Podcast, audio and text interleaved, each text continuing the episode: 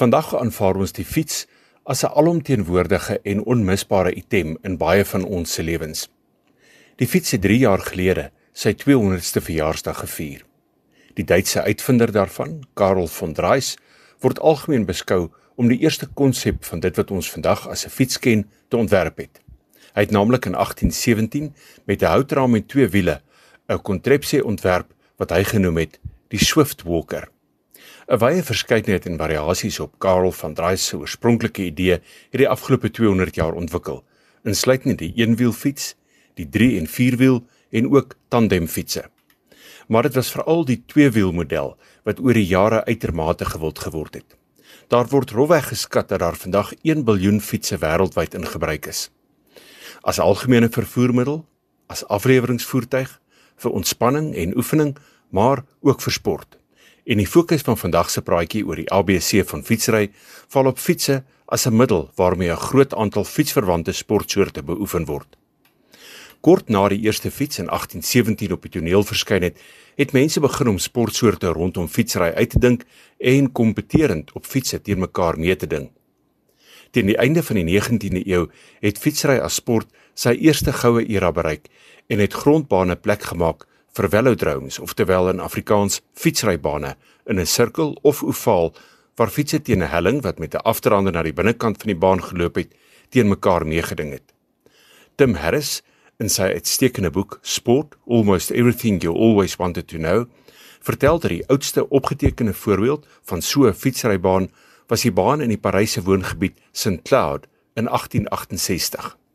In 1871 het Fulham in Engeland ook 'n fietsrybaan gehad en daarna het fietsrybane in Engeland soos die spreekwoordelike parastoele opgeskiet in plekke soos Manchester, Paddington en Coventry met oppervlaktes wat gewissel het van asbane, houtsaagsels en ook sementbane.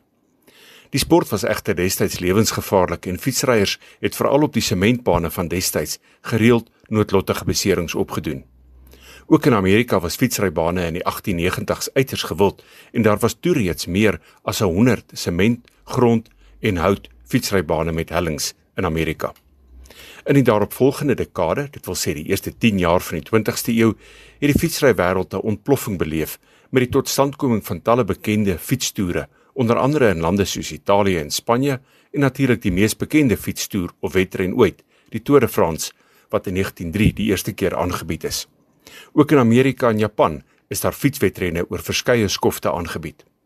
En in 1899 is nog 'n fietsry grens verskuif toe ene Charles Minthorne Murphy die eerste persoon geword het om 1 myl, dit is 1.6 km per fiets in minder as 1 minuut af te lê. Daarna was sy naam blykbaar Mile a Minute Murphy.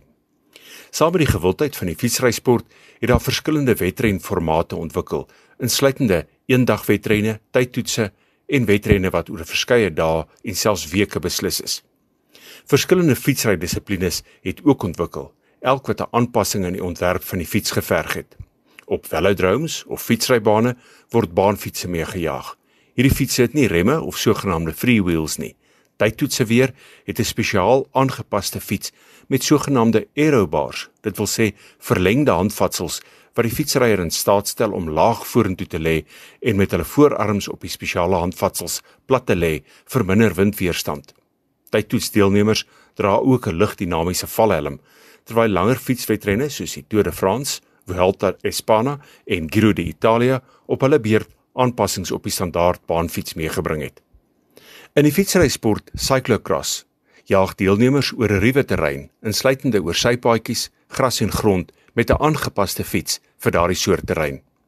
Cyclocrossbane is gewoonlik so tussen 2 tot 3 km lank en sluit dikwels steil hellings in, asook terrein waarvan die fietsryers verwag word om van hulle fietsse af te spring en die fiets vir kort afstande te dra voordat hulle verder jaag. In die meer onlangse verlede het bergfietsry ongekende gewildheid bereik en ook daarvoor word 'n verskillende fietsontwerp gebruik en is ook van die beskermingstoerusting wat gedra word anders as byvoorbeeld in baan of padfiets het wedrenne. Ander, meer moderne fietsrysporte wat die afgelope dekade of 3 gewild geraak het, sluit in BMX wat staan vir Bicycle Motocross en Cycle Speedway waar deelnemers op 'n grondbaan met fietses sonder remme en met min of geen ratte om die baan jaag. Anders as met speedway vir motorfietsse, is dit nie deel van die cycle speedway sport dat fietsryers so skuins-skuins deur die draaie sleep nie. Nog 'n uiters gewilde en mededingende fietsry afdeling is parafietsry of paracycling vir gestremde fietsryers met aangepaste fietsse.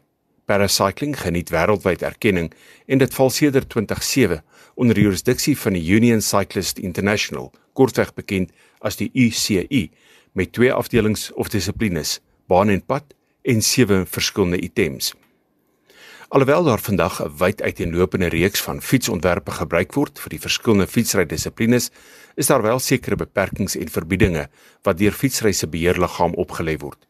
Die UCI wat onder andere beheer uitoefen oor die groot padfietsverne en fietsryse wêreldkampioenskappe in baan en tydtoetse, het in die laat 1990s besluit dat fietsse wat onder daardie liggaam se jurisdiksie deelneem, nie ligter mag weeg as 6.8 kg nie. Die UCI verbied ook die gebruik van sekere onlangse fietsraamontwikkelings, insluitende die recumbent bicycle in Afrikaans die agteroorleunende fiets. Dit wil sê waar die fietsryer half terugleun met 'n hoë rugleuning en baie laag bo op die grond ry. En dan is daar verdere fietsrydissiplines waarin daar nie kompeterend deelgeneem word nie, soos artistieke fietsry en fietsry polo. Tydtoetsfietsry, padfietsry, baanfietsry en bergfietsry is vandag erkende Olimpiese sporte. Karel von Dreis se mond sal oophang as hy sien wat alles die fietsrygemeenskap deesdae met sy uitvinding van 1817 aanvang. Dit is Heinrich Schulze vir RSG Sport in Pretoria.